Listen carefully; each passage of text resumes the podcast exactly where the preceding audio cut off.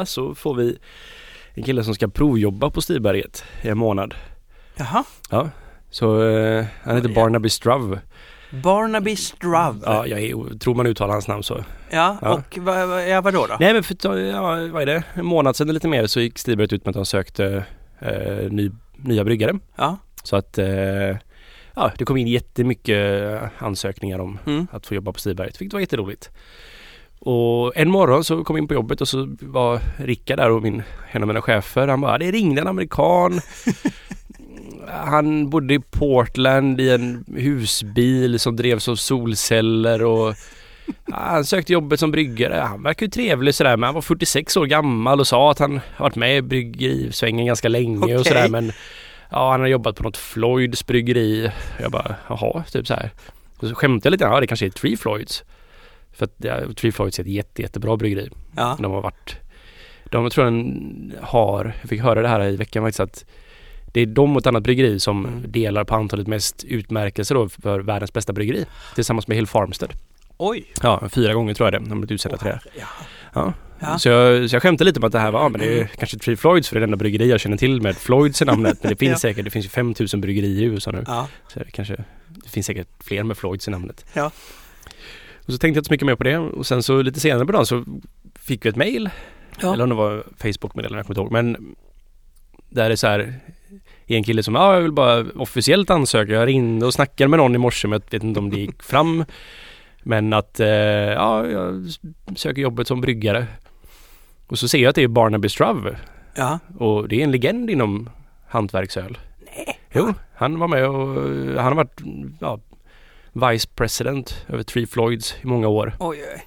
Men eh, då slutat för två år sedan och inte Mm. varit så involverad i bryggningen. Okej. Eller i bryggvärlden så mycket sedan dess. Nu kände han så här, nej men Stigbergs kanske kan vara något. Ja, tydligen, uppenbarligen. men, vad, men kan du... Men, det var ju det, alltså det mest bisarra jag varit med Ja. om. Det var Ja. så här. Men alltså- vad var det som Three Floyd, Three Floyds? Three Floyds ja. Vad, vad var det som de var bra på? Alltså, Eh, de, allt.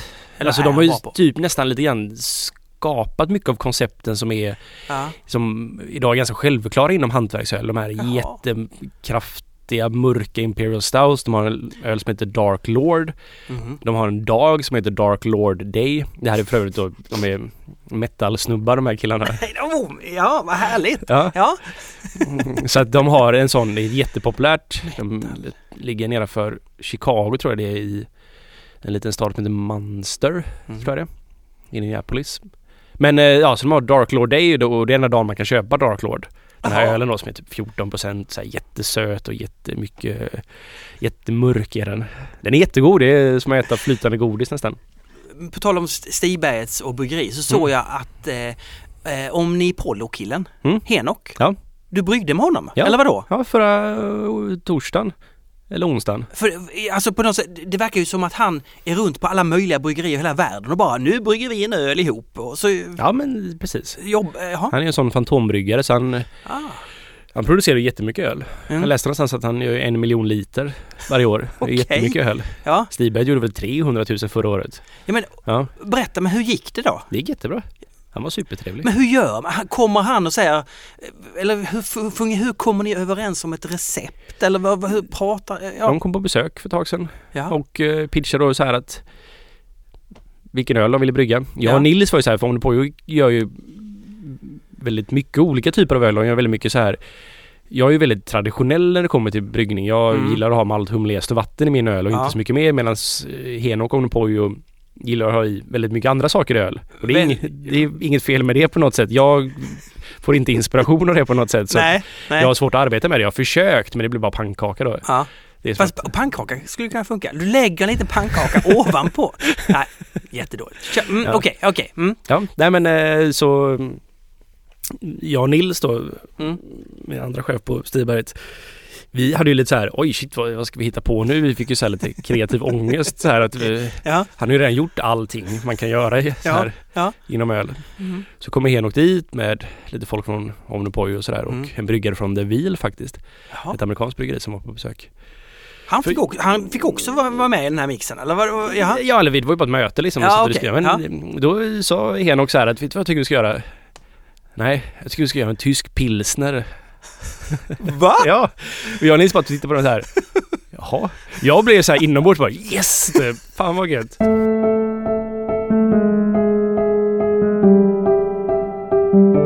Men nu blev det så att vi gjorde en pilsner och en Imperial IPA faktiskt. Ja, när Ja. ni ändå höll på så att säga. Precis. Ja. Så det var en intensiv dag, det var bryggning och ja, två gånger då på en dag, två batcher.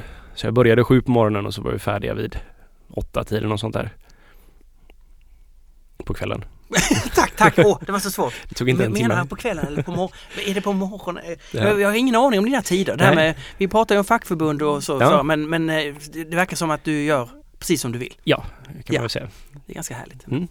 Ja. Ja. Nej men så det gick ju väldigt bra. Den ena Imperial IPAn, eh, vi hade lite problem med gästen där bara. Varenda. Men Problem det, med gästen? ja, Vadå? vi flög in gäst från USA. För det Ja. här, ja. Ja, ja. ja sån här expressfrakt från ja och, västkusten i USA. okej. Nej men och den verkar inte ha varit så i pigg när den kom hit då, så att det tog lite lång tid för den att komma igång men så vi fick ha i lite mer gäst helt enkelt. Men det, Okej. den smakar jättebra. Den är färdig lagom till Beer Week typ. Oj. Mm. Okej, Imperial IPA, 8% i. Ja, typ. Alltså när man säger en Imperial IPA, vilka, då, då börjar man på 7% och uppåt? Eller ska det vara 8 och uppåt? Nej, sju och en halv uppåt skulle jag vilja säga. 7,5 uppåt, Ja. då är det en Imperial. Mm. Eh, Och så kanske då fem och en halv till sju och en halv är vanlig IPA. och 4,5 till 5,5 är en Session IPA. Ja, eller bara en American Pale Ale. Just det! Ja, jag tror det. inte riktigt vad det här med Session IPA är. Ah, Session IPA. Och, Ja. och IPA i folkölsvariant, vad säger du om det? Eh, Spottar du på det? Nej, det är jättegott. Men vad är det? Jag gillar humle Martin. Ja, just det, så var det. Men man Ja. behöver inte kalla det, det är så här, IPA är ett namn som säljer väldigt, väldigt mycket. Så man kan ju Ja. inte stoppa in det var som helst riktigt. Så här, alltså Session IPA är ju American Pale Ale, en humligare American Pale Ale bara liksom. Mm. Ja. På tal om det, Ja, jag har ju druckit IPA. har du det? Ja, Ja. du sa ju till mig, drick Ja, IPA. det det, eller ja. drick apa eller Ja. gör vad du vill. Eh, och jag, jag åt tacos. Mm. I, i, ja, men vi, nu spelar vi in för ofta. Gör vi inte det? Nej det gör vi inte. Mm. Jag åt tacos i fredags helt enkelt. Mm. Det var i fredag. Jag gjorde tacos. Ja. jag är inte förvånad men... Ja. Du, jag måste hämta telefonen. Ja. Eh, Jo, för att eh, så här, jag gick till Systembolaget Mm. och tänkte här har de IPA, för det har Olle sagt. Nej, jag visste att de hade det. Eh, plocka lite flaskor hur de såg ut. Jag Mm. jobbar lite den här klassiska, den här ser bra ut, den här ser inte bra ut. Mm. Och hittade jag en nyzeeländsk Ja. eh, som, eh, som heter eh, Tuatara apa, en apa, ap, apa, som de säger i... Martin tittar just nu på ett Systembolaget kvitto också för att komma ihåg vad han har druckit. Ja, men ja det, det är sant. Ja, men det är så bra med de här Systembolagskvittona. Mm. Men- men sa De innehåller ju procent, procenten, kostnaden, storleken och så eh, numret, Systembolagets nummer. Men vad sa du att den hette? Jag hörde inte riktigt. Tuatara, Tuatar från vilka då? apa. Aotearoa. Aotearoa. Aotearoa. Jag la, ju, okej, ja. jag la ju upp den på Insta ju dessutom. Jaha okej. Eh, du såg inte det? Nej det har jag missat. Ja, just det. Ja. Eh, där kan man ju följa mina tacoäventyr ibland. Ja. Ja, den. Den har jag inte druckit förut. Nej, Jag har aldrig talas om den. flaskan var lite extra fin också. Den Ja. hade som, liksom, som en liten drakrygg, alltså en krokodilrygg på sig. Den, Mm. hade, var, den var supergod. En ap, det är den första apan jag druckit som är god. Apor, jag tycker, jag, tycker det jag tycker inte det är vidrigt med apor. Men jag, ty- men jag tycker de är, jag tycker ofta, jag tycker ofta att apor eh, blir enkla i sin smak. De, Okej. de siktar på någonting och så får man bara den smaken. Jag, jag tycker det, jag har inte druckit så många välbalanserade apor. Okej. Och det kan väl vara så att jag kanske bara druckit tre apor i mitt liv och de var dåliga. Ja, och sen så b- bildar jag hela mitt, min... Jag vill inte säga att du har fel Martin men det här du beskriver just nu låter ju äh, så, verkligen rakt emot vad en apa ska vara liksom. Ja, jag förstår. Jag, jag För. IPA är ju till för att vara så här, det här är ju en ganska obalanserad stil i Alltså så som den ska vara liksom. Mm. Är den obalanserad? Alldeles för besk, alldeles för mycket av humle och sådär. Medan apa är ju en... Ja, Den var jättefin. Ja, Ja, det här är bilden. Bra skum. Bra upphällning Martin. Ja, men jag... ja, jag dedikerar ju den här bilden till dig också. Nej, men den här, eh, den här apan var, var eh, väldigt, väldigt god. Och sen drack jag den här eh, Brewdog Dead Pony Club. Den var Mm. lite, det var lite mer sessionaktig. Ja, är inte den jättesvag, för mig? Jo, Eller? eh, den är 3,8 procentig. Ja. Eh, Får ju nästan inte ens säljas på Systembolaget. nej men den var, inte, den var inte, den var inte god. Den Nej, var, jag nej. minns att den inte var Nej, så... hur som helst. Den här eh, nyzeeländska var eh, Mm. svinbra. bäst. Ja. Ja. Sen så tänkte jag, jag gör som Ina brukar göra i Piska. Lyssnade du på Piskan och moroten? Nej, det var länge sedan nu. Ja, Jag har Men- lyssnat på några avsnitt men hon brukar ju de träna... släpper jättemånga avsnitt. Ja, ja, de är de. Plus mina hörlurar har gått sönder här nu så att det är... Du, hon, brukar ju träna, Ja. hon brukar ju träna precis innan avsnittet. Mm. Och lite så var det igår kväll. Ja. Att jag... Är du lite bakfull? Nej, jag drack, jag tog in galopper. Jag har Ja, lärt mig att man kan ta in galopper. Eh, Då tog jag den här amerikanska ölen som smakar grapefruit. Skalpin? Grapefruit? Ja, Ja. den smakar jättemycket grapefruit. Det smakar jättemycket grapefruit. Eh, Ja, och det hade de ju lyckats med. Det är... Men det var ja. lite, jag tyckte, ja vill man det- Jag minns när jag bodde i Lund och var, var 20 år. Mm. Jag köpte, det fanns jättebillig grapefruktjuice Mm. på närlivset. Och jag köpte så många sådana. Mm. Eh, Jag drack sådana och då märkte jag, oj, jag blev ju aldrig hungrig för ma- magen skrumpnade ihop. Jag vet inte om det var, ja, Det är mycket syra i det här liksom. ja. Det var mycket så jag. Ja. Ja, så det är den ingen bra pH-balans i magen liksom. Ja. Nej. Nej, sen drack, sen så eh, drack jag också. Får jag säga någonting om den Skalpin? Jättegärna. Ja, den, den, när den kom för några år sedan. Ja. Ballast Point som gör den. eh, Skalpin är en jättebra IPA i sitt grundutförande. Jag tycker Mm. synd att man hade i grapefruit faktiskt. Mm. Men det har ju kommit massa med typ allt möjligt. Ja, istället för grapefruit. Ja, ja, Ja. ja. Men just den grapefruit fick ju en väldigt stor hype när den kom liksom. ja. Men jag tyckte bara det smakar hostmedicin. Aha, hostmedicin. Ja, Mm. och jag märkte så här att vissa när man bara, det här är ju inte riktig det är ju liksom, det är ju extrakt från riktig grapefruit tror jag på Mm. något sätt. Men när man Mm. gör det på det sättet så har jag märkt att det smakar ofta hostmedicin faktiskt. Ja. Ja, men sen så drack jag också, bibliotek har gjort en IPA åt eh, Red Lion där jag var. Mm. Eh, som heter något.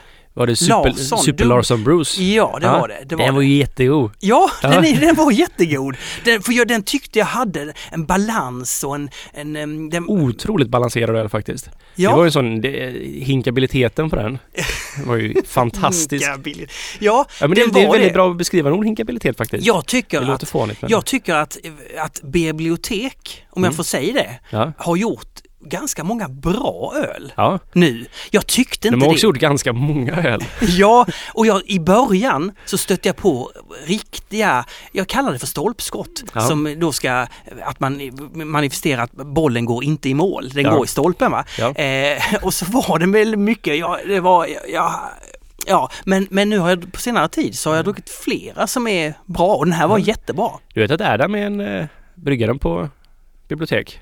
Nej, Han lyssnar på vår podcast. Ja. ja. härligt. ja jag snackar med honom. Han, eh, han är nöjd med den ölen och han är missnöjd med de dåliga han har gjort eller? ja det hoppas jag. Nej men han berömde oss faktiskt så tack Adam. Tack. Tack. Ja.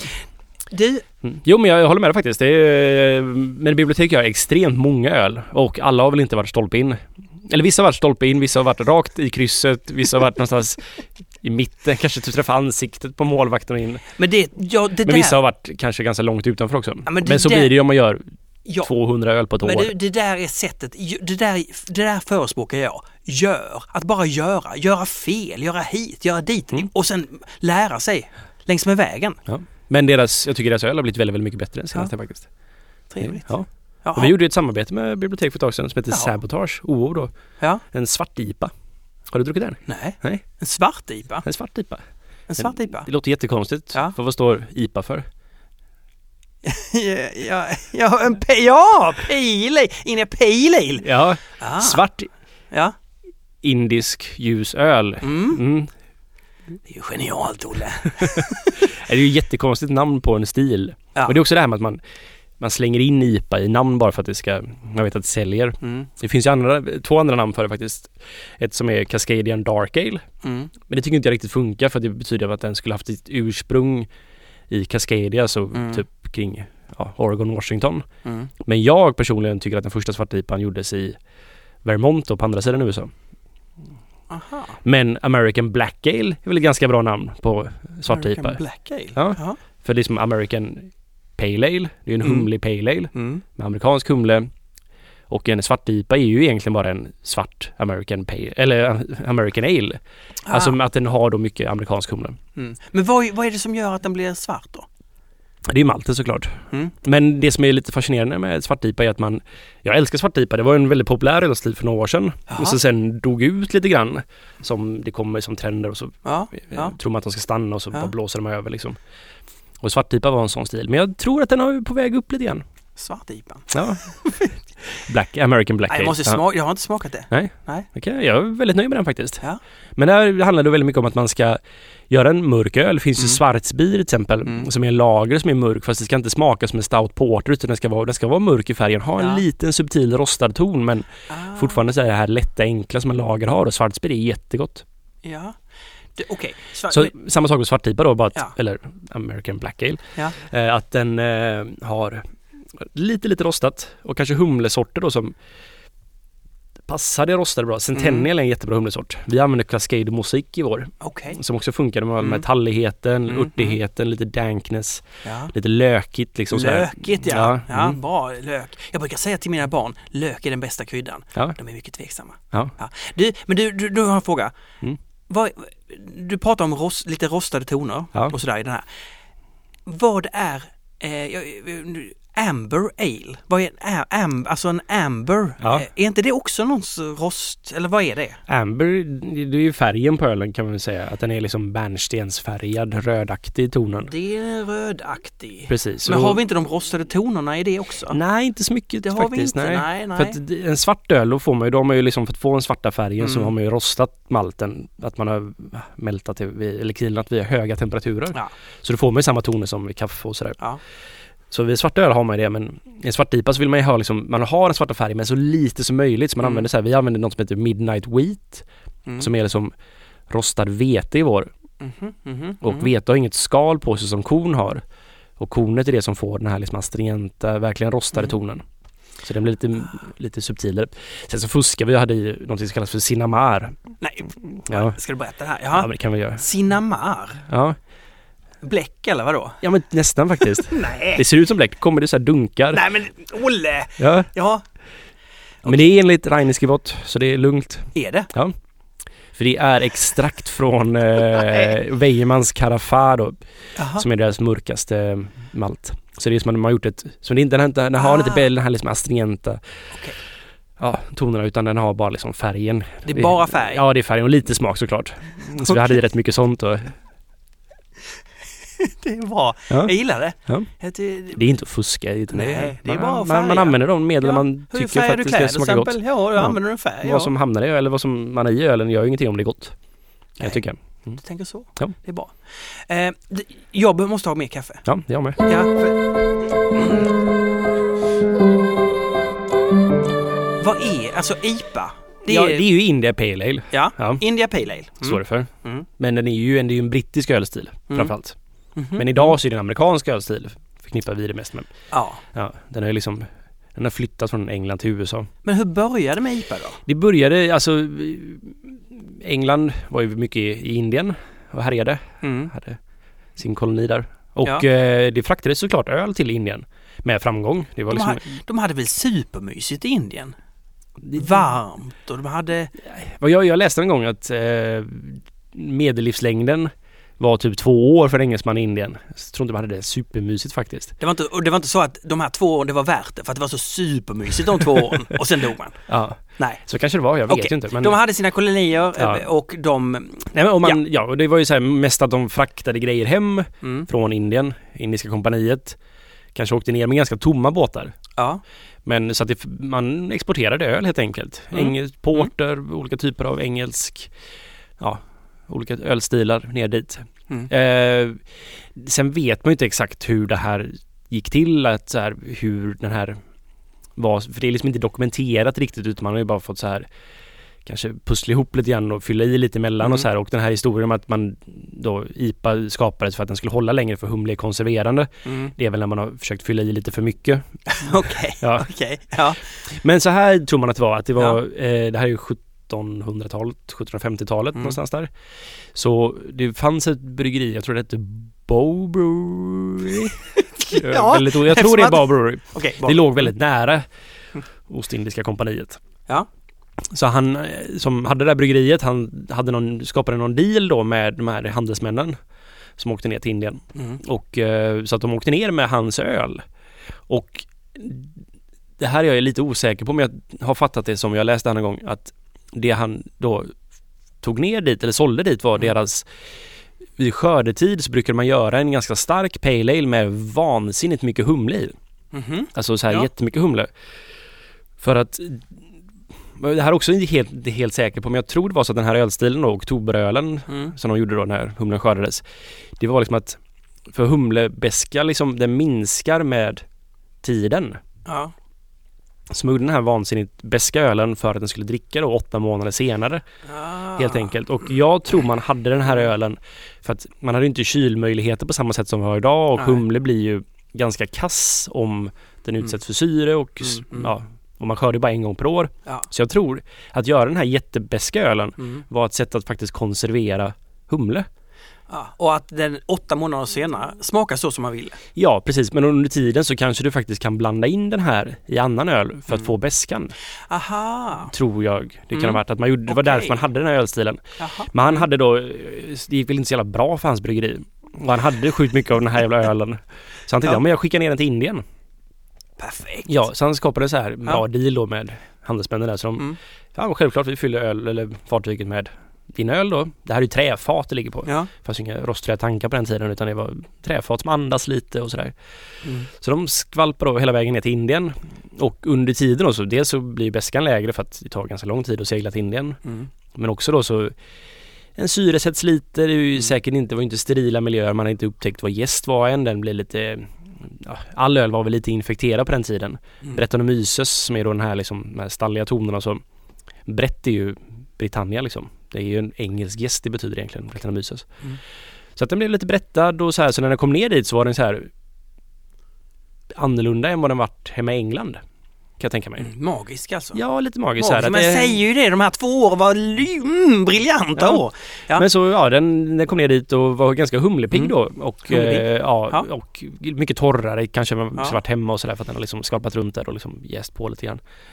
Och ehm, engelsmännen verkade gilla den här typen av öl där nere. Mm. Väldigt uppfriskande i hettan. Ja, Okej, då, då, då skapar man på något sätt den här ölstilen genom att... Men när börjar man plocka upp den? och- Ja, alltså, det var väl så här tror jag att jag borde plockat på det här lite kanske innan det här programmet. Ja, det, det Ah. jobbar inte så, eller? Men- ja, du kan allt, Olle. Om jag säger fel nu så får ni jättegärna skriva in och Mm. säga att jag sa fel och så rättar vi oss själva. Ja, så jobbar vi. Men Mm. Att han, så de exporterade den här, det gick bra för det här Mm. bryggeriet Bow Brewery tror jag det heter, eller Hogston. Också, ja. Så Mm. kan det heta också. Ja. ja. Så eh, men så han blev väl girig typ och så här försämrade villkoren. Han ville bara sälja av sin öl från början Mm. liksom. Det var ju Ja. praktiskt så här att Mm. ingen vill köpa den här ölen i alla fall så jag säljer den dit. Ja. Men och så märkte han att ja, men det här går ju bra så att då vill han höja priserna. Och då ehm, blev handelsmännen sura för då fick de en sämre deal och då började de kontakta andra bryggerier för att börja tillverka det här och där uppfanns väl då India Pale Ale som en stil att man började uttalat kalla det som det. Det här är ju någonting som växte fram liksom organiskt så Mm. Men där kan jag tänka mig att då börjar man kalla det som India Pale Ale, en Mm. export Pale Ale med mycket humle för att ner till Indien. Så Ja. någonstans där då, då gick väl Bass in i leken och, Mm. och de här Burton upon Trent bryggerierna då som har ett vatten som är väldigt mycket sulfater och väldigt bra vatten för att göra humleöl. Eh, sulfater. Mm. Precis ja. Okej, så att och då i England så börjar man då brygga de första i iporna. Ja exakt. Ja. Så att, och, där, och sen börjar man väl konsumera detta hemma också. Men sen så har ju ölen utvecklats Mm. då under åren. Så det var väl 1800-talet som det blev en IPA på riktigt så här, liksom Mm. att Och sen har ju olika så här, det gick ju väldigt mycket Alkoholen i England gick ju ner väldigt, väldigt mycket från 1800-talet framåt. Mhm, mhm. Lägre och lägre och det var väl dels nykterhetsrörelse men också mycket skatter och sådär att Ja. man började göra lägre och lägre Ja. alkohol på ölen. Och IPAn blev ju en väldigt urvattnad produkt till slut. Även i England då att den var ju som ett minne från sitt forna jag liksom. Vadå, de gjorde bara session IPA till slut? vad? Exakt, det kan man väl kalla det. Ja men Ja. okej, IPAn. Det, är, inter, intressant. Du sa ju till mig så här, du kan ju dricka apa också till det här avsnittet. Men vad, vad menar du med det? Att apan är en IPA som bara är mindre humlig? Ja, alltså från början var det ju bara en väldigt, väldigt humlig pale ale. Alltså pale Mm. ale står ju bara för att det är en ljus öl, att man använder maltsorter som inte har så mycket färg då helt enkelt. Ja. så Mm. att, och sen blev ju IPA IPA. Mm, ja Men just det. Det har fortfarande funnits pale ale då som kanske inte är lika mycket humlebett i, Mm. i England. Och det är bara ljus ale helt enkelt. Med Just lite humle. Sen så, Ja. det som hände sen var ju att hela den här, och det pratade vi om förra avsnittet, det här med amerikanska revolutionen liksom. Mm, mm. Eh, inte den historiska revolutionen utan den amerikanska ölrevolutionen då. Ja. Att, ja, de tog ölstilar till, de kollade på gamla ölstilar från framförallt England och det var där de inspirerade och gjorde dem med sina egna råvaror då, amerikansk humle och så. Just det. Mm.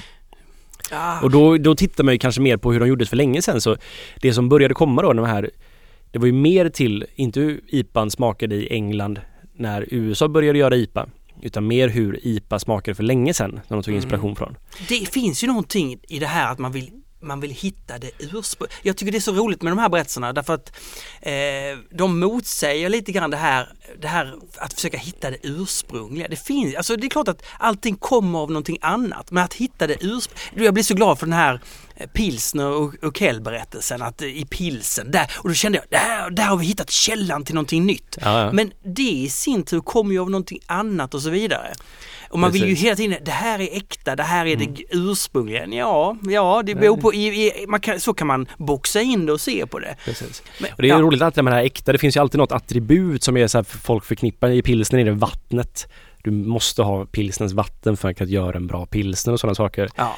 Det stämmer ju inte alls faktiskt. Nej, Nej men det är samma sak med typ så här eh, Många av de här grejerna att ja, du behöver bakterierna från just som finns i den Mm. här Sendalen då i på Jottenland, Brysselregionen för att kunna göra spontanjäst öl. mm. Det går ju lika bra var som helst liksom. ah, Det blir annorlunda men det blir annorlunda. det går bra. Men det var, okej, IPA, vad är, vad är framtiden för... eh, Men ska vi bena ut lite vad IPA och APA? Det är Fråga- gärna. Ja, för det är så här, det är ju en av de absolut vanligaste frågorna jag får. Jaha. Ja, det är så här att, ja du sysslar med vad är skillnaden på en IPA och APA? Och det är ju så här, det är, de går ihop väldigt mycket, det är som ett vändiagram. Det är ett vänddiagram, ja. Vänd? Vän, Vän. Ett vän som vänner. Ja, vän, eller med E. Vendiagram. Ja men du vet de här två cirklarna så går de ihop och så är det som en två cirklar som Martin, Nej, men Ska du... Nu, nu visar jag här för Martin med händerna här. Ja. Det här är ett vändiagram. Vän, men, men det stavar med E. Ja precis, jag, jag tror det var en, en som hette Vän som uppfann det här diagrammet. Nej, det är det sjukaste jag har hört. Ja, Ett vändiagram, heter inte Ja. det? Nu är jag osäker jag, där. gillar, jag gillar att du säger det. Ja. Vändiagram. eh, det- Ja, alltså du vet, ett diagram, eller så här, när man har två cirklar. Mm. Det här är det ena och det här är andra. Här är IPA, här är Ah, APA. och så överlappar de De varandra. överlappar varandra Ah. och där i mitten får man någon form av hybrid liksom. Ja. Eller sådär. Ja. Gemensamma. Där får man ju de gemensamma nämnarna eller gemensamma, ja, Ja. minsta gemensamma. Ja. Precis. Och så är det med IPA-apor, de överlappar varandra jättemycket. Det finns massvis med, en av de bästa apan jag någonsin druckit är Four Point från Trillium. Och ja. Den smakar ju väldigt, väldigt mycket mer IPA än apa kan jag tycka. Den är ju så extremt humlig och ligger på 6,6 procent vilket jag tycker är en IPA. Men varför kallar de den för apa då? Jag vet inte för de gör vissa IPOR sen som är ännu... så att är deras preferens då så är det, vilket jag och alla andra tycker är det här är ju uppenbarligen en IPA. Ja. Men deras, vad de tycker är humleintensivt så, nej men det där är en apa. Typ. Ja. Åh! Mm. Ja, okej. Men det är har- jättegod apa. Även inget Tree riktigt... Floyds har en som heter Alpha King. Mm. Som är en av de första riktigt, riktigt bra humliga ölen jag drack. Som var Mm. så här, okej det här är en nivå över väldigt mycket annat. Mm. Det ligger också på 6,6 procent. Också en apa alltså? Ja, också en apa. Okej. Sen så gör ju de dubbelipor och sådana grejer som ligger på 9 procent och sådär. Så att det är också så här preferens för vad man har för vad man startar liksom. Ja, men vadå, så ditt svar är, ja det är, kan de överlappa nästan helt, helt och hållet varandra? Ja, eller? jag säger det att det är så här de kallar det vad fan du vill liksom. I stort sett. är det en session IPA på 8% Visst, det är lugnt. Det- Men, nej, men generellt sett så Ja. kan man väl säga så här. Om man ska kolla på, för det finns något som heter så här BGCP och det är liksom, Vad är det? vad står det för? BG. Brewing, Judging, Competition, Pro, jag vet faktiskt inte vad det står för. Nej. Borde jag faktiskt veta Ja, det, är står. något, det är något organ. Det är, ja, det är de som är eh, hembryggar, domar, Mm. stilguiden. Ja. kan man säga. Ursäkta. Mm. Ja. Så man liksom, det här är liksom klassificerat så här ska en IPA smaka, så här ska en APA smaka och där är det ju att Oj vad sjukt. ja, en IPA är obalanserad som jag sa tidigare. Du, hatar du dem eller? Nej, Nej, om, nej. om de går in och säger så, då är det klart du hatar dem. Bara säga att de sätter upp regler. nej men det är jätteviktigt att de finns faktiskt, kan jag tycka. För att det är så här, Jaha.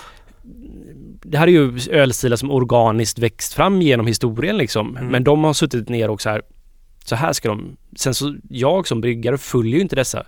Men däremot så hembryggare när de tävlar i tävlingar då måste de ju följa de här klasserna. Mm. Och den kan smaka hur bra som helst men är den lagd i en APA-kategori och är mer en IPA så kommer den inte få så bra betyg för att man bedömer utifrån stilen. Ah, Den kanske- Det är lite som hundtävlingar alltså. Ja exakt, det är liksom så här. Ah. Ja. Ja, jag, jag, jag, Men det finns en väldigt viktig funktion i detta och jag har inget problem med det men Nej. jag personligen brygger inte öl så och när man sitter på krogen så tycker inte jag man ska typ kanske ta fram häftet med alla ölstilar från BGCP och typ ah det här följer inte riktigt. Ja. Kasta den i väggen och så vidare. Nej, Mm. nej okej. ja, men i de här sammanhangen så visst, ja, ja. Och Mm. i öltävlingar så måste man ändå ha lite struktur för att någonstans, sen så i kommersiella öltävlingar tycker inte man ska, man ska kanske inspireras av de här guiderna och stilguiderna då, men kanske inte ja, gå helt och hållet efter dem. Mm. För då blir det väl fyrkantigt. Okej. Men där är det mer så att Ja. en IPA, vad kan man säga, 5,5-6% till 7,5 då ungefär. Jag kan inte Mm. exakt för jag kollar Nej. inte på de här så mycket men det är någonstans där. Ja. Och ganska lätt maltkropp på den liksom. Och Okej. mycket humle, bra beska. Ja. Och eh, det finns också så här riktlinjer för hur klar den ska vara och så här och IPA ska vara klar till lite hazy sådär. Mm. Min IPA som jag gör oftast, den skulle bli helt sågad. För den är dubbelhazig, Ja, exakt. så att säga. Mm. Mm. Ja. Och sen då APA är lite mer balanserad egentligen enligt stilen. Att man, eller så här, enligt att den ska ha lite mer maltkropp. Den har inte lika mycket humle. Den ska ju liksom vara en och lägre alkohol då. Det är fortfarande mycket humle i den men hitta bättre balans då med Mm. Hitta bättre balans med malten. Precis. Så IPA är mer att man ska liksom skruva upp det humliga väldigt, väldigt mycket Mm. och skruva ner det maltiga. Medan i en APA så är det som ett så här, de två de två är ju balanserande mot varandra. Malten kan ju skapa restsötma som gör att humlen inte blir lika påtagligt besk till exempel och sådär. Du, nu slår det. Det kan ju vara så enkelt. Jag gillar humle mer än malt. Ja, så kan det vara faktiskt. Och därför gillar jag IPA bättre än APA. Mm. Rent Så generellt. enligt dina preferenser så är det mer balanserat än en...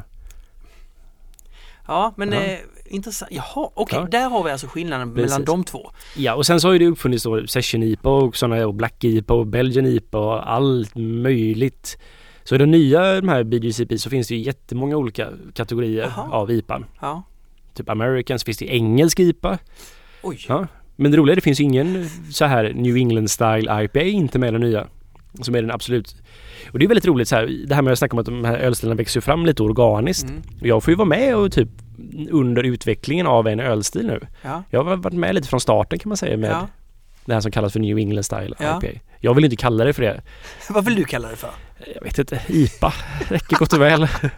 Men jo, men det är klart. Men det, när man pratar om en sak Ja. då kan det ju vara bra att ha en benämning som visar vad det är man menar. Mm. För säger du bara IPA, då, det, då, då blir det, det är ju ändå ett samlande namn.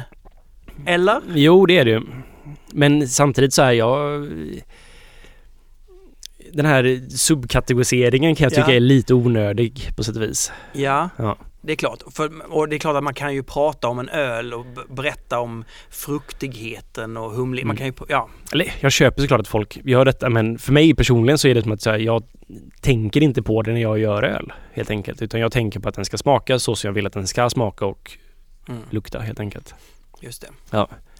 Försöker tänka utanför det så mycket som möjligt. Men du, just det. Men kan vi komma till framtiden nu då? För, Ja men det kan vi göra. ja. Ja. Vad, är, vad är framtiden för IPA? Jag tror ju det här som, då, som är då New England style Mm. IPA att man gör är, Jag tycker att det är en mycket bättre balans. Jag gillar ju balans i öl. Jag Mm. tycker beska är lite jobbigt. Mm. Det behövs beska öl såklart. Ja, ja. Men eh, den här överdrivna beskan kan jag tycka är lite, lite jobbig liksom. Mm. Och det är ju det som det har varit. Och nu, har du, nu är vi upp, mitt uppe i en motreaktion till detta kan man säga. Mm. Och då, som det ofta blir med motreaktioner så är liksom den är på, långt bort på andra sidan. Mm. Så det är väl kanske lite överdrivet det som många bryggerier idag gör. Det här liksom extremt mjölkiga, man har laktos då, alltså mjölksocker i Mm. också för att göra dem eh, söta för laktos är en sockerart som gäst inte kan äta. Vanlig b- älgäst då. Ah, Så då, då sparar man den liksom. Mm. Jag tycker det smakar hemskt för jag... Alltså... Dels så tycker jag att så här, mjölksocker inte är så gott så här. Det har en väldigt kvalmig sötma och när man har i det en IPA så blir det också så här Då tappar man balansen. Men jag tror Ja. att balansen kommer vara det som är framtiden för IPA. Och jag tror det kommer vara någonstans mitt emellan den gamla skolan och den nya skolan. Ja. Kanske inte jätte... Ett oerhört vågat tips Ja, exakt. Det är väl inte någon så här superspaning egentligen. Men jag tror jag tror vi är lite förbi den här tiden av, det kommer ju såklart komma väldigt extrema ölstilar, det kommer Mm. dyka upp de närmaste åren och sådär men jag tror vi är förbi den värsta biten av det här i, vår, i ölkretsar att man tar det till extrema. Jag tror man mycket kommer börja prata om balans istället i öl. I alla ölstilar. Och så här att man man går ner lite i alkohol kanske. Man, det kommer ju nog bli så att många ölbil närmar sig varandra liksom. Att de, Mm. det blir mindre skillnad. Och det här kommer gälla IPAn också att så här man ja, kommer satsa på mer subtila nyanser i det här vansinnigt humlade kommer finnas kvar men det kommer också vara väldigt uppskattat med IPOR som är liksom inte bara vräka utan mer så här att de har någon finstämmighet i sig. Mm. Att aromen och smaken är välkomponerad helt enkelt. Du, vad tror du om den här ölen? Du brygger en IPA, Ja. du brygger en lager. Så blandar du, alltså att du kan hitta nya kombinationer av Mm. blandningar. Finns Ja. det mycket sånt eller? Ja, herregud ja. Det är en väldigt så här att man gör hybrider på Ja, ölstilar är jättevanligt. jättevanligt. Det är jätte, jättevanligt. Vadå jättevanligt? Ja men det finns ju till exempel India Pale Lager som en ölstil. Va? ja. Finns det det? IPL kallas den. Ja, IPL? ja IPL. Men har inte, har inte du bryggt en sån? Nej, det ska jag faktiskt inte påstå att jag okej. gjort. Nej, Vi okej. hade ju byggbärs vi gjorde. ja. Men det är ju mer, jag, jag tycker IPL är ganska få, men Ja. ja, fånig stil faktiskt. Men, eh, ja men måste man slänga in India i det hela? Kan man inte bara kalla det för humlig lager eller något där? Ja, Alltså jag tänker man kunde jobba sig runt Indien lite grann. Alltså man kan jobba lite Bangladesh, man kunde jobba Pakistan. Alltså det finns ju många, Nepal. ja men det, ja men då, Okej, det kanske inte, nej. nej. Ja, men jag tänker försöka tänka fritt här. Ja. Ja, det är härligt.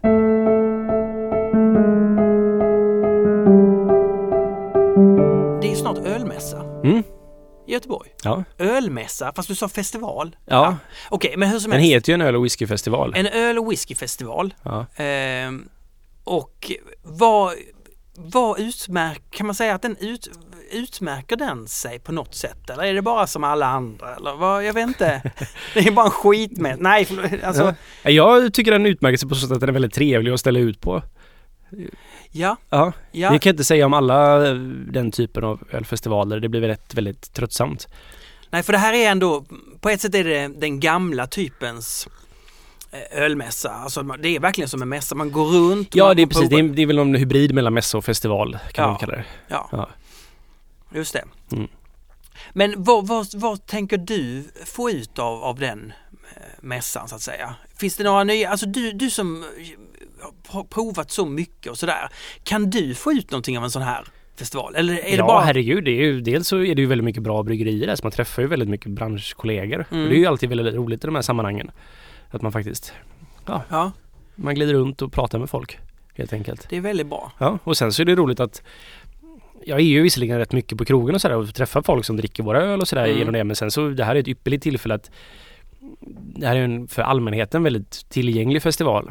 Medan de här lite ölnördigare festivalerna kanske är mer för de redan insatta Ja. på något sätt och vis här liksom. Och det är ju väldigt roligt att få träffa folk som alltså inte har en annan, vad ska man säga, filosofi kring öl än vad man själv har. Jag är ju så djupt nersyltad i öl så du, att man är tappar du. ibland utifrån perspektivet. Ja, alltså när jag, när jag har stått eh, för Stigberget så är Ja. det, det är underbart att prata med människor för alla kan, kommer från olika håll och har olika... Det är så roligt att diskutera och, och hitta... Ja, höra, höra vad de tycker, hur de ser på saker och ting. Precis. och det kommer ju mycket fans såklart. Och Mm. det, det är också så. Ja men det är ju bara... Men- Men okej, Men men, den fångar upp väldigt mycket den här festivalen. men vad tycker om, om du, jag som kan fruktansvärt lite, Peter säger till mig så här, du glöm, Olle, det här berättade ju Olle för dig i förra avsnittet, har du Ja. redan glömt? Jag glömmer ju allt. Ja. Eh, vad, inte allt, det gör jag inte. Men vad tycker du, hur, hur ska jag lägga upp, eh, om jag får en två timmar Mm. på fes- festivalen, eh, vad, vad, hur ska jag gå tillväga då tycker du? Jag tycker man ska satsa på dem, för i och med att det är Göteborg så, här, så är det ju mycket Göteborgsbryggerier. Och Ja. alla har ju oftast med sig kanske färskare öl än vad man brukar få tag i Yes. och framförallt så får man ju möjlighet att träffa de som faktiskt gör ölen. Så jag skulle satsa på de Göteborgsbryggerierna för att chansen är rätt stor att du får springa på de här i andra sammanhang och sådär. Mm. Så alltid roligt att veta vilka det är. Kan jag komma med Mm. mina frågor till dem också? Ja men det är Mm. jätte, ja men vad roligt. Ja. Du, eh, Ska, du, sen finns det ju den här andra som heter Är det veckan innan som Beer Week? Ja, Beer Week leder ju upp till detta. Okej, säga. men det är någonting annat, det har, har inte med mässan att göra? eller? Jo, de har väl ett samarbete så sett. Ja, ja. Men det är liksom, det här är ju Fredrik Berggren och Mm. Peter Olausson, Mm. tror jag han heter. Eh, som startar Beer Week. Och de har ju varit och kollat i ehm, om det var San Diego eller någonstans Ja. i USA där man har de här stora, typ Great American Beer Festival Mm. och sådana här stora festivaler och innan det så är det liksom så här att i hela staden då har en vecka där allting är ölrelaterat och de Mm. tänkte det här är ju en rolig grej. Och Göteborg är ju lite Sveriges ölhuvudstad. Och, och då under den, men då, jag, jag läste någonting att då är man på olika krogar och är det föreläsning eller vad, vad är Nej, utan det, är- det är mer så här att de, det enda de gjorde var att de såg att det här fanns i USA Ja. och tyckte det var jättetrevligt att det var Men hur funkar det? Ja men jag kommer till det. Ja okej. Åh, Lugna kaffe, dig. jag, men, Ja. jag har druckit så mycket kaffe. Du, du får inte du dricka mer kaffe Martin. Nej, Nej, ja, okej, ja. Då, Nej men eh, så att de har, ehm, det, de såg det här konceptet, snodde det rakt av. Nej men, Mycket bra. Ja. Nej men de tyckte det var ett intressant fenomen så de tog på sig då att anordna Gbg Beer Week första året. Det här är väl tredje året tror jag det Mm. vi har det. Mm.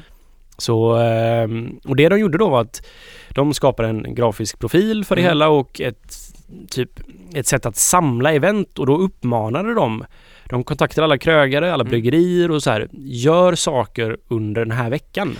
Ah, Så ni får alla intäkter, det är ni som får PR-grejen. Så här, Mm. Vi samlar det bara egentligen.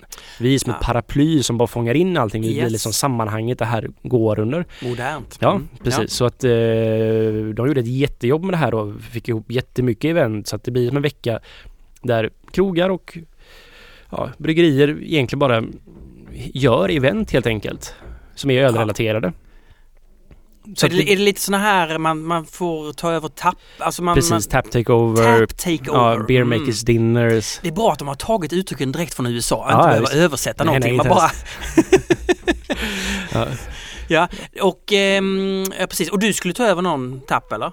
Mm, Nej, nej, inte du, Jo, nej, Stiberget ska ja. på Red Lion har vi väl tillsammans med Bruski har vi Bruski, på tisdagen tror jag det är. Ja, Så, men då är jag faktiskt bortrest. då är du Jag är bortrest. tyvärr bortrest rätt mycket av Beer Week det här året. Ja, så, ja. så passa på att resa bort. Ja. Ja, ja, ja. ja, kan, så då kan man inte träffa dig på, på Red Lion? Nej, det kan man inte göra. Fråga. precis. Nej, men man Dessvärre. kan träffa Bruski kanske? Det kan man säkert. Eller de, ingen är där! Vår öl kommer vara där. Jo men nej men vi kommer ha representanter såklart. för, det, för det är ju det man vill komma åt, att prata med, med människorna bakom Ja. eh, och hur, hur, hur, helvete, hur har ni gjort det här? Precis. Men eh, jag måste bara, Ja. på det här med Beer Week, jag vill Ja. bara ge en stor eloge till Peter och eh, Fredrik för att de skapat Beer Week. Mm.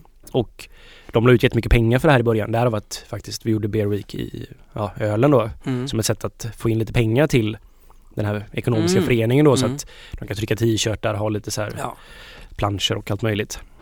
Men de har gjort ett jättejobb och det här är ju här för att stanna så nu finns det en frivillig organisation runt det hela som är då personer som sitter och klipper ihop eventen och liksom lägger upp dem och de har gjort en app till och med för det och sådär. Okej, ja. Ja. Och det, jag Men- tror det är uppe i 80 event eller något liknande.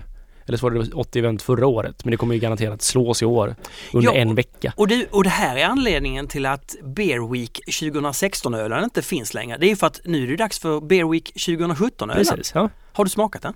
Nej det har, Det har den har jag- inte släppts än Martin. Nej, nej, okej, nej men jag tänkte att du går i de här korridorerna bakom liksom. Jaha, nej, den är nog inte klar än tror jag.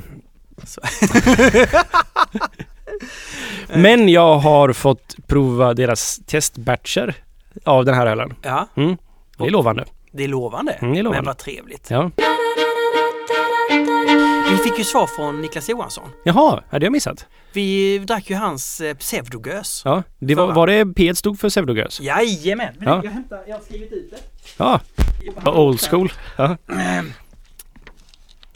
Ehm, han, han skrev ju just det att det har smugit eh, sig in lite TOP efter Mm. flaskningen Mm. eh, i december.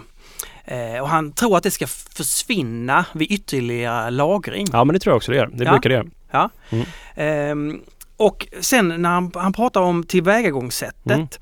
Mm. Eh, blandning av tre årgångar suröl under ungefär 20 druvmust. Mm. Eh, alla delar har jäst i genomskinliga petkärl med franska urlakade ekkuber. Mm. Det är ju ett sätt att få, i och med att de här ölen brukar köra på just då vinfat, Mm. alltså 220 liters vinfat eller 219 vad det är för något. Mm. Ehm, men då har de ju liksom all smak ur träet har redan lakats ur då till vinet som varit det tidigare. Så man har lite, det är Ah. förvaringskärl men det ger en viss träig ton. Så det han har gjort är att han har tagit e-kuber Mm. som brukar ge då men att man har för den har ju väldigt mycket vanilj och sådana smaker, Ja. e-kuber. Men då har han lakat ur detta innan, typ kokat dem kanske och sådana Ja, saker så ja. att de egentligen bara har neutral träsmak. Aha. För att då göra det så äkta som möjligt. Cool, alltså Ja. jag gillar det. Okej. Eh, Han skriver lite om, vi, vi pratade om att det var låg kolsyra. Mm. Han säger att den är lite avsiktlig. Eh, Mm.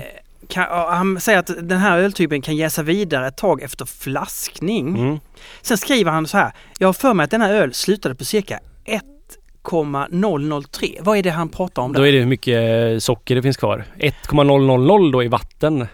Och sen så beroende på densiteten då, socker har ju högre så att det blir ju... Ah, okej. Så det är sockernivån då som är kvar efter jäsningen. Ja. Ja. Aha, så skriver han, sötman kommer mest troligt från vinmusten då hälften flaskas naturell och är märkbart torrare. Mm. Eh, ja, Ja men då kan det vara så, det är mycket möjligt faktiskt. Ja. Ja, men det här med att eh, den avsiktligt är lägre tror jag beror på att i och med att den här, det är ju bakterier och eh, ja, vildgäst då och de här har ju en, de arbetar jättelångsamt mm. men även om den legat på primärjäsning eller jäsning ganska länge så kan Mm. den fortsätta jäsa på flaskan. Okej. Så han vill nog inte kolsyra upp den för mycket för att det kanske eventuellt kan fortsätta gå ät, fortsätta äta på sockerarterna som finns kvar då. De Ja. här 003 där så fast det här, de kan ätas upp Ah. och då blir det koldioxid i flaskan och ja, det finns ju en risk då att om det blir för mycket där så kan den explodera. Så det är ett säkerhetsåtgärd. Vad ro, ro, roligt Niklas att du eh, skrev in och berättade lite grann om, eh, om hur det gått till. Alltså jag är sugen på att du skickar in fler öl. Ja, jättegärna. Eh, väldigt trevligt Mm. eh, såklart att få testa. Jag, jag, jag tycker den fortfarande sitter kvar som ett väldigt positivt eh, minne för mig då. Eh, ja, Ja men det var, men ja, det ja det var ju jättegod, den fin. Det var ju fin och vi har allting. Nu ska vi, ska vi testa lite Öl. öl? Ja. Vi har ju fått några. Ja, jag, jag, jag har haft med mig fyra stycken öl. Ja, det är för många. Vi kan inte ha med så många i podden. Jo men det kan vi. Vi går igenom Okej. dem ganska snabbt. Vi, det får bli så. Ja. Du, ehm, okej, vi har en mjöd här. Mm, det här är inskickad av Alex Ek. Alex. Ek, Ja, eller inskickad. Han har gett den till mig. Jag känner honom. du känner, är han en mjöddiggare? Han är, han är ölnörd och eh, har väl på det senare kommit in väldigt mycket på mjöd också. Ja. Den heter Sherry Asserglyn. A sweet mead made with cherries and maple syrup. Ja. Men eh, han då, han lyssnar på podcasten och tycker Ja. den är trevlig. Ja. Han, han stör sig på att jag säger fel saker ibland. Så jag uppmanar honom att skicka in detta så Ja. kan vi ta upp det i programmet. Ja, han rättar mig på en grej då. Ja. Eh, det här Bells Two Hearted Ale. Alltså, Ja. den här- Fiskölen, Fiskölen, Ja. precis det med en uh, öring på framsidan. väldigt god. Mm. Jag sa ju att den var från Oregon, Washington. Han bara nej, nej, nej, nej, den är från Michigan. Michigan. Men jag, Mm. ja, Okej, så det, härligt. Mm. Mm. Men det, det roliga var det, han gav mig den här flaskan och frågade om vi kunde tänka oss recensera den. Och Mm. sa ja, men självklart, men jag kan ingenting om sötmjöl. Det är liksom ingenting som jag Nej. har förkovrat mig så mycket. Så i tisdag så anordnade han en sötmjölsprovning för mig med lite andra personer. Cool. Så Timo från Satipaja var där. Han gör ju väldigt mycket, Ja. jätte, jätteduktig på att göra mjöd och Ja. får väldigt mycket priser för sina mjöd och internationellt och sådär. Ja. Och så vi var några ölnördar som drack mjöd tillsammans i tisdags. Och det var jättetrevligt. Jag fick upp ögonen för mjöd. Jag har liksom så här alltid tänkt det som ja, men liten så här, vikinga, folk som lajvar, dricker mjöd. ja, det, det tänker jag också. Men du, du sa sötmjöd. Vadå, finns Precis. det andra typer av mjöd? Ja, det finns ju torrare mjöd också. Sådär. Ah, okej. Men nu var det Mm. sötmjöd för det här är en sötmjöd och Ja. då är de ju väldigt starka. Jag vet inte vad, det stod inte hur stark den här är men jag kan ju tänka mig att den är säkert över 10 procent. 13 står det. 13 faktiskt. Ja. Ja, okej. Nu ska jag tänka jag smaka lite här. Så, så. Oh, tandkräm! Kommer du ihåg att det fanns sån här röd tandkräm när man var barn? Mm. Precis som den! Den, den har ju en väldigt, alltså man känner ju att den är väldigt, den smakar ju vin. Alltså det Mm. finns ju en vinaktighet i den. Precis.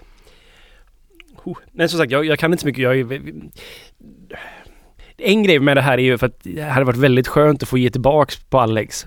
För han är en rateberian, han recenserar mycket på ratebeer och jag kommer ihåg i början av min ölkarriär när jag släppte de första ölen med Obo. Så fick jag väldigt syrliga recensioner från Alex och var lite sur på honom. Så jag hade velat ge tillbaks. Ja men det här, alltså den där tandkrämen som jag Mm. pratar om, ja, även ba- barntandkräm idag har, har den här, alltså, och jag tycker om det. Det går ju att äta sån tandkräm. Äter du tandkräm?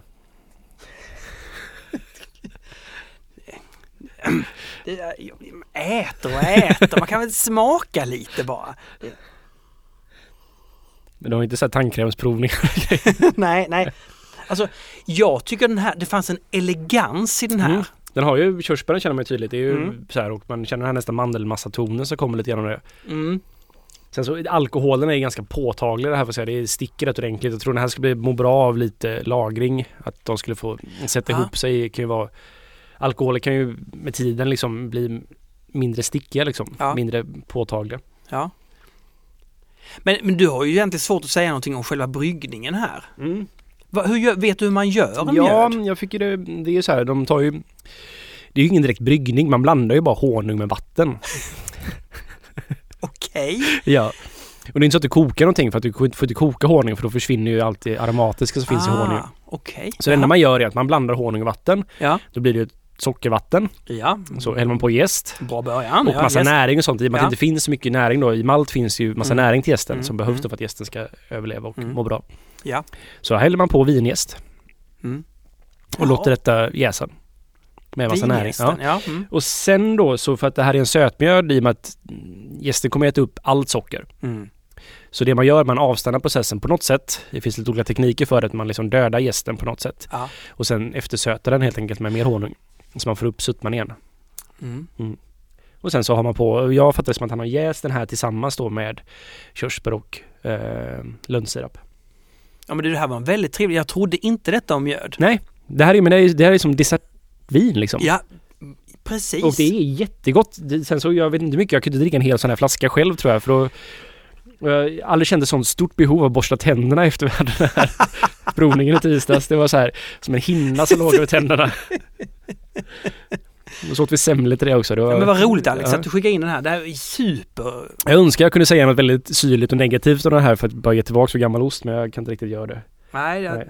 Det här är jättegott Alex. Faktiskt. Det här, du sa att du inte var så nöjd med det här men jag tycker du ska vara nöjd med det här. Med tanke på att det här är, du har precis börjat med det också. Så intressant alltså. Mm. De här grejerna. de, många av de andra vi drack på den här provningen då, de var ju väldigt, väldigt, väldigt intensivt fruktigt liksom. Aha. Till den nivån att det var så här, är det här ens mjöd? Jag kan tycka att den här är här kan jag ändå känna att det är liksom honungsvin, att det finns Ja. en honungskaraktär i det ja, som jag... ja.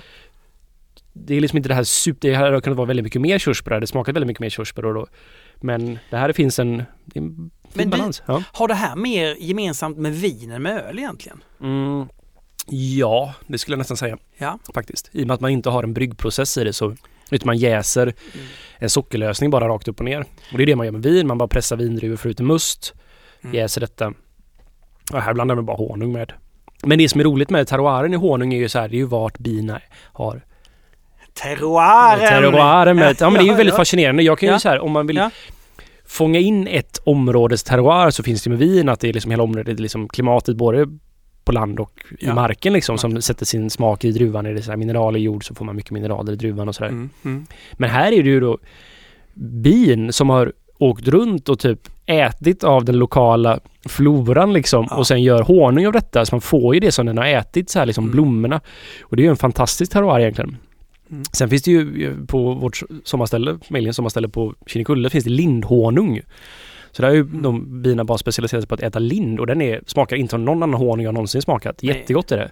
Mm. Så att det finns ju stor potential i att man ska liksom så här kunna fånga ett jättelitet områdes smak på något sätt i mjöd faktiskt.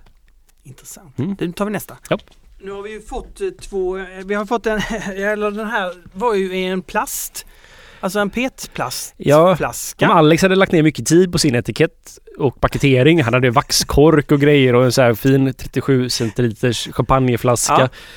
Så det här, är, det här är en plastflaska med en lapp där det står Dunkel på. Jag tar en bild här direkt. Ja. Alltså. Det, det här ska vi inte missa. Dunkel, ja. Ja, så det här är Munich Dunkel. Den här är inskickad från ehm, Magnus som har bryggeributiken i Majorna. Jaha. Ja, pass. eh, han är ju då en ganska duktig hembryggare får man ju säga. Han har till och med en butik för hembryggare. Ja. Så ehm, bra butik för att kan rekommendera dem. Väldigt, väldigt trevlig. Jag köper grejer till vårt bryggeri därifrån faktiskt. Ja, Cool. fick jag pitcha honom också. Ja, Ja. bra. Det gjorde du rätt i. Ja, men så jag fick den här flaskan av honom. Eh, och det är en Munich Dunkel. Munich Dunkel. Ja. Vad är det för, jaha? Så att det är liksom en tysk, det här är en lageröl. Det är en lageröl. Precis, en fast med då väldigt mycket, det finns en malt som heter Munich malt. Ja. Och det här är då en klassisk eh, amberfärgad lager helt enkelt. Ljust brun. Ja, Eller, precis. Ja. Så. Fin. Precis. Och eh, det är då gjort med den här malten som är ganska kraftig då i melanoidsmaker. Alltså det här ehm, ehm, Ja, vad ska man säga? Karamelliserade nästan liksom. Så det Okej. blir väldigt djupt. Det är inte karamelliserat men det finns en liksom en ett djup i malten här. Ja, Så okej. att det är jättesimpel öl egentligen att göra. Eller så här att hur receptmässigt men fantastiskt komplex. Det är en av mina favoritstilar faktiskt. Oj. Sån doldis. Jätteenkel Mm. att göra, men jättekomplex. Exakt. Blir Eller komplex. inte jättekomplex men, Men- recepten är väldigt enkla Ja. till den. Det är liksom 100% Munich-malt eller 50-50 pilsner Ja. Munich-malt. Ja, okej. Och så är det lagerjäst då. Jag tycker, man- det smakar som en eh, Falcon Bayersk tycker jag. Ja, Falcon Bayersk är ju doftar som en Falcon Bayersk, ja. djup i malten den här du. Ja. Mm. Jag hade personligen kunnat tänka mig ännu mer faktiskt. Jag gillar de här, de är nästan lite överdrivna faktiskt. Jag tycker också den var god. Jag som Mm. inte gillar malt, jag gillar den här. Ja, Men- men, det är så här. Jag hade nästan kunnat tänka mig lite mer beska i den faktiskt för att få fram. För nu får vi faktiskt recensera den här ölen för han brygger Ja. ju då verkligen de här guiderna jag snackade om. Ja. Så det här är liksom de här, det här är ju tävlingsöl antar jag. Så de Mm. skickar in då så att det här brygger de verkligen för en stil. Ja. Och han har ju träffat det väldigt bra faktiskt. Men jag kan sakna den lite, just för balansens skull, lite beska faktiskt. Superren lagerkaraktär också. Ja. Det finns en viss nötighet. Men det kan nog vara malten. Är det lite, lite kolsyra i den eller? Ja, Eller jag jag, kan ju tycka att det är smakfull kolsyra på det här faktiskt. Okej. Ja. ja. Jag gillar ju inte så hög kolsyra heller. Att det spritsar till i munnen. Mm. Så nej, okej. Mm. Jag tror ju det här är en väldigt bra representation av en Munich Dunkel. Mm. Dunkel. Men jag, jag personligen hade gärna lite, haft lite mer kanske beska i den. Det finns en viss... Det hänger liksom inte riktigt ihop på något sätt. Men att det är, det är malt och sen så släpar de andra smakerna efter lite för mycket eller? Ja, det finns... Det är så väldigt svårt att sätta fingret på det här men det är som att den är inte tillräckligt sammansatt liksom. Alltså nu har vi fått en petflaska till. Vad är grejen med det? Ska man verkligen lägga öl på petflaska? Ja men det funkar väl. Det är ju väldigt smidigt för hembryggare att lägga det på petflaska. Ja. Det spelar väl ingen roll. Och vad var det nu vi hällde upp? Nu hällde vi upp Det här en är Pokenadporter.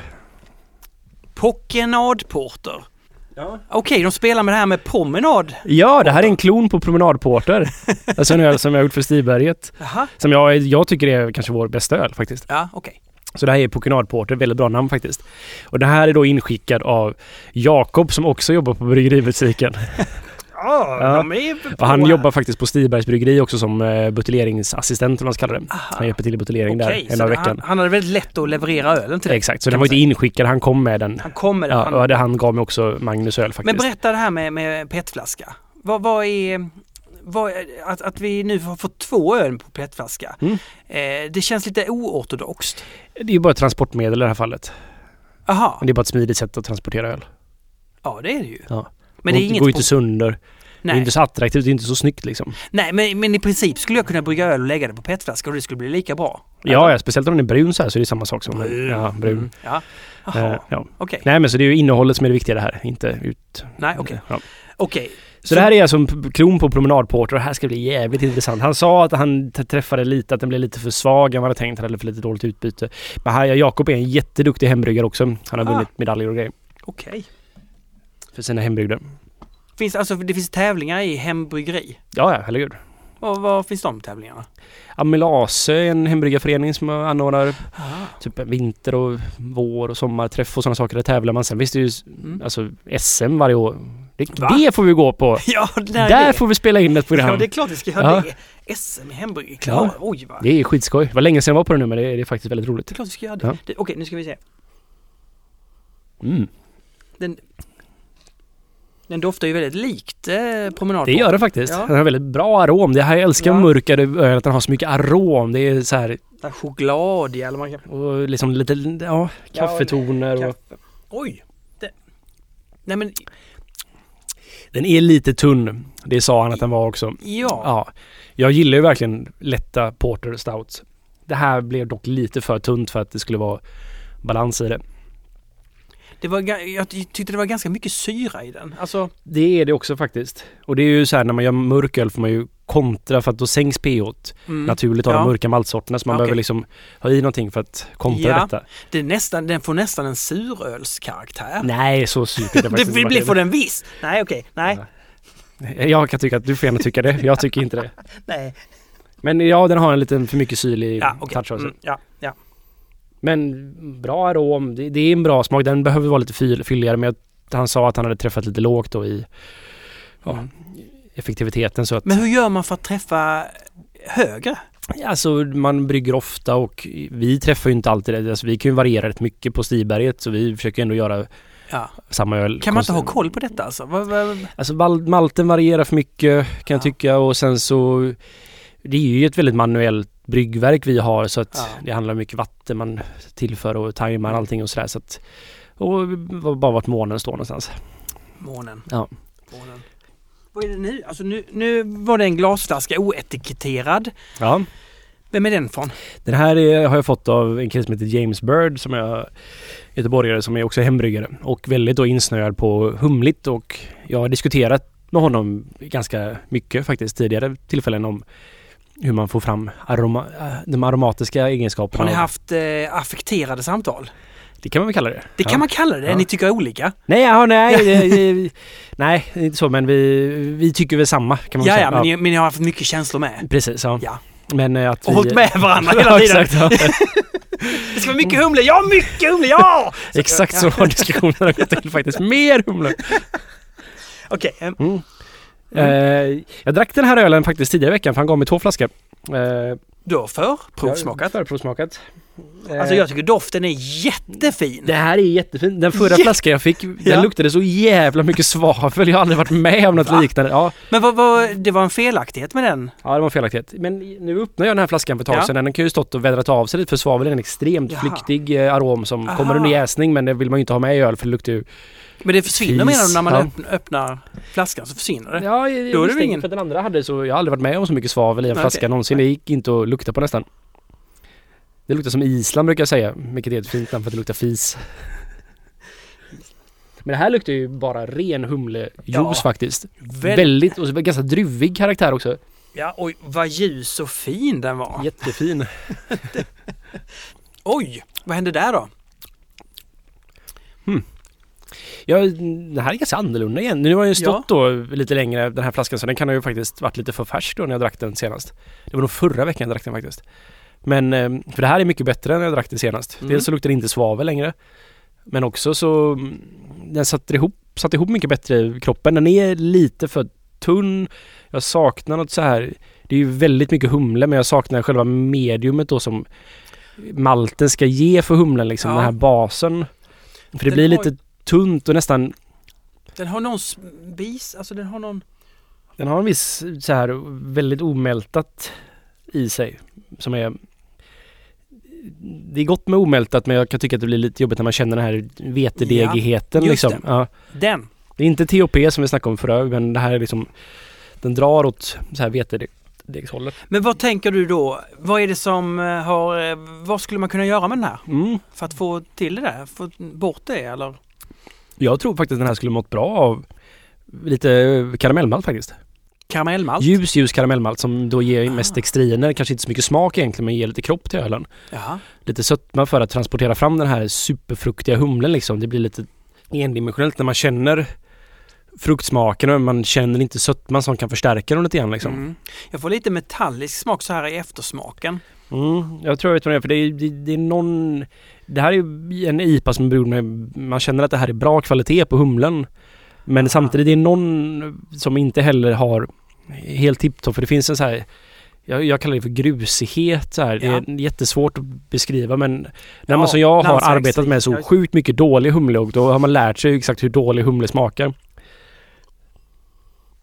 så det finns lite det, inte mycket men det finns där lite som en, det ligger kvar i munnen, som munkänsla liksom Ja. så här, som en hinna som Mm, jag håller har med. lagt sig över tungan. Grusighet var väldigt, väldigt lite dammig, dammighet, grusighet, ja. Mm. Men jag vet inte hur stark den här är överhuvudtaget. Men Nej, det- känns som att den är ganska lätt. Det känns som en pale ale. Fast med mycket humle i. Mm. Nej, doften var ju väldigt fin. Ja, doften är fantastisk. Där har du verkligen lyckats. Mm. James, men jag vet inte, själva, det, det, den saknar lite Den saknar lite balans faktiskt. Den saknar Den saknar maltighet och den saknar väl Och det är väldigt svårt att få till för man vill inte använda för mycket karamellmalt men man vill ändå ha en viss maltbas. Jag gillar den här liksom engelsk eh, basmalt ger en om man jämför med till exempel tysk basmalt. Bas, Mm. Tysk basmalt är superrent medan engelsk basmalt ger lite så här kakighet Ja, på ett gött sätt. ja Mm.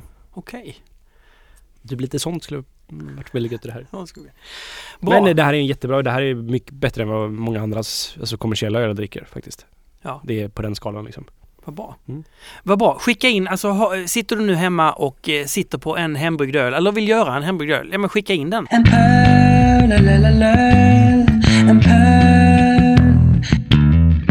Vi, nu har vi ju äntligen fått eh, patrons till vår... Eh, Ja just det. Ja. Ja. Två stycken. Nej, är det Jo, sant? alltså nu, Oj. nu, nu trillar det in, eh, vad är det, vad står dollarn i? Det trillar väl in, står den i 10? Den är Nej. jättedyr. Ja, Ja. så då är det alltså 20 spänn per avsnitt va? Ja, Så nu kan du bara säga upp dig från alla dina uppdrag. vad skönt. Ja. Men såklart, vi vill ha mer patrons. Mm. Eh, så att vi kan eh, prioritera detta. Ja. Eh, ja, är det någonting mer vi ska ta upp den här veckan? Vad vi ska prata om nästa program. Du, Har vi bestämt det helt och hållet än? nej, Nej. alltså det, det är du som ska bestämma. Jag vad, jag, vet, ja. vad, vad, vad, ska, vad, vad tycker du är lämpligt att prata om i nästa avsnitt? Det är ju faktiskt som vi kan dissekera lite, lite lagom sådär som vi brukar göra. Ja.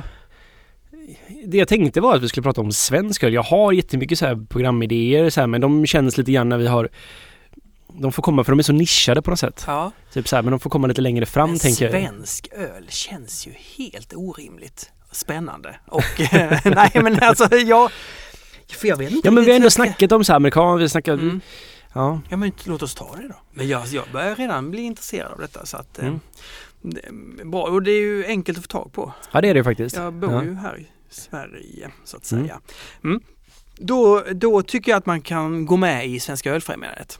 Det ska man också göra. Ja, så man får den här maltesen så att man är med och stöttar eh, öleri.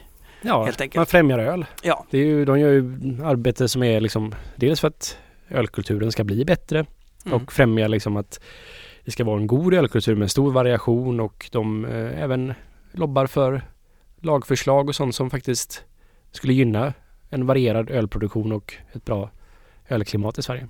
Ja, Mm. och sen så ses vi ju på öl och whiskymässan. Precis. Eh, och man träffar ju inte dig på Beer Week, men kanske mig. Jo men jag är ju här på, men det är bara att jag är borta första helgen i Köpenhamn och sen så är jag i Norge mitt i veckan och så. Mm. Men sen eh, mot slutet av veckan så är jag här.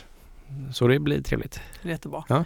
Eh, är det något annat som man ska tänka på? Mm, Jag tänker att vi glömmer ju allting hela tiden. ja, Vi bara kör och sen så bara glöm, vi skulle sagt det där och det där och ja. Och sen tänker vi att ja, men det tar vi i nästa program och så sitter vi här innan programmet och vad var det vi skulle ta upp där? Jag kommer inte ihåg, vi bara kör.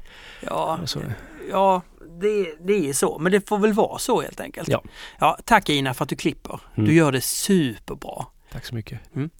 Men eh, ses vi igen. Ja, och tack för all fin öl vi fick inskickad också. Ja, väldigt Ja. bra. Eh, Hög kvalitet i avsnittet får jag säga. Väldigt hög kvalitet. Vi har Instagram och alltihopa också. Ja, bra. Mm, det är bra. Nu går vi.